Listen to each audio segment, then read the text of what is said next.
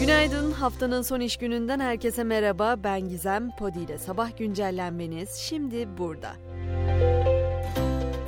Açıklanan son verilere göre şimdiye kadar 43.556 can alan depremler sonrası bölge beşik gibi sallanmaya devam ediyor.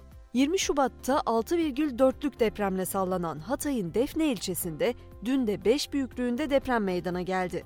Hatay valisi Rahmi Doğan ilk belirlemelere göre herhangi bir yaralanma ya da enkaz altında kalma durumunun olmadığını söyledi. Bu arada afet bölgesinin kapsamı genişletildi. Hasar tespit çalışması tamamlanan Sivas'ın Gürün ilçesi de genel hayatı etkili afet bölgesi ilan edildi. Kahramanmaraş merkezli depremlerde sağlık ordusu da ciddi kayıplar verdi. Bakan Koca 448 sağlık çalışanının yaşamını yitirdiğini açıkladı. Çok çok önemli olduğunu düşündüğüm çocuklar konusunda da bilgi vermek istiyorum. Aile Bakanlığı enkaz altından çıkarılmış refakatçisi olmayan 1890 çocuğun kayıt altına alındığını açıkladı. 1405 çocuk ailesine teslim edilirken 105 çocuk kuruluş bakımına alındı. Peki geldiğimiz noktada önümüzdeki süreç nasıl ilerleyecek? Çevre Bakanı Kurum deprem bölgesinde inşa edilecek konutlar hakkında konuştu. Kurum bir yıl diyoruz ama 6 ay sonra etap etap projelerimizi teslim edeceğiz dedi. Deprem bölgesinde inşaatı tamamlanmamış, inşaatı hala devam eden binalar da vardı şüphesiz. İşte o binalarla ilgili de teknik rapor hazırlanacak. Rapor neticesinde bu binaların durumuna karar verilecek. Bölgedeki sanayi yapılarının hasar durumuyla yapı ve zemin tespitleri için de çalışma başlatıldı. Yapılardaki proje ve uygulama hataları ve zemin durumları ile ilgili de rapor hazırlanacak. Elbette konunun bir de yargı cephesi var. Oraya baktığımızda da 11 ilde yıkılan binalarla ilgili 171 kişinin tutuklandığını görüyoruz. Tutuklananların 78'inin müteahhit, 64'ünün yapı sorumlusu, 11'inin de yapı sahibi olduğu açıklandı. İmar suçları ile ilgili anayasa değişikliği öneren Adalet Bakanı Bozdağ, bu suçların affedilmeyecek suçlar arasına alınması gerektiğini savundu. Öte yandan Bozdağ depremzedelerin nasıl oy kullanacağı tartışmaları ile ilgili de konuştu. Herkesin bulunduğu yerde oy kullanacağını ve oyun bulunduğu yerde sayılacağını söyledi. TÜİK adrese dayalı nüfus kayıt sistemi 2022 sonuçlarını açıkladı. Buna göre 2020 yılı itibarıyla 84 milyon 680 bin 273 kişi olan ülke nüfusumuz geçen yıl 599.280 kişi artarak 85 milyon 279.553 kişiye ulaştı. Toplam nüfusun %50,1'ini erkekler, %49,9'unu ise kadınlar oluşturdu. Gelelim Rusya-Ukrayna hattına Birleşmiş Milletler Genel Kurulu Rusya'ya kayıtsız şartsız ve hemen Ukrayna topraklarından çekilme çağrısında bulunan karar tasarısını oy çokluğuyla kabul etti.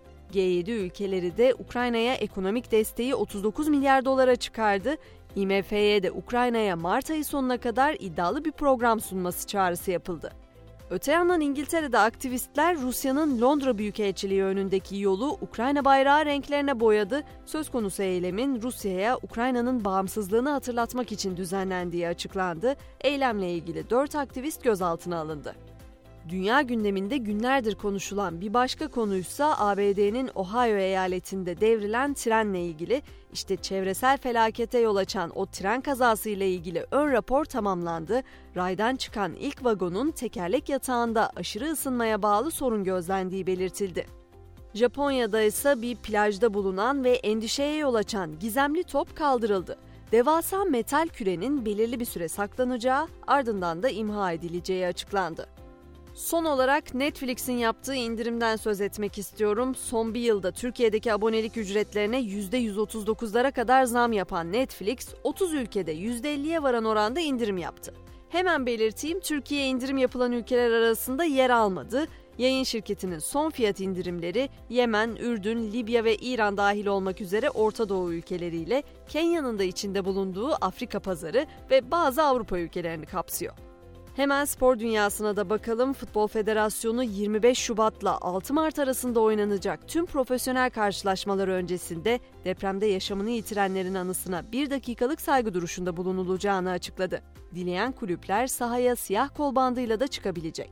Trabzonspor Avrupa'ya veda etti. Bordo Maviller UEFA Avrupa Konferans Ligi playoff turunda 1-0 kazandığı ilk maçın rövanşında İsviçre ekibi Basel'e 2-0 mağlup oldu.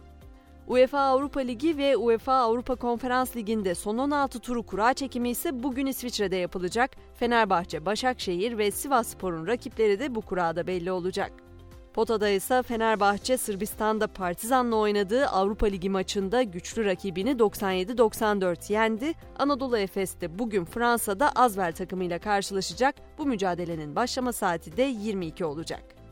Ve güncelleni noktalarken Hayatta bazen bütün ışıkların söndüğünü, artık daima karanlıkta kalacağımızı düşünsek de bir yerden yeniden filizlenir umut. O yüzden günün sözünü bu sabah Aile Kutlu'dan bırakıyorum ve acılar sevinçlerle yer değiştirecek. Buna inanıp ümitle bekleyelim diyorum. Akşam 18'de tekrar görüşünceye dek şimdilik hoşçakalın.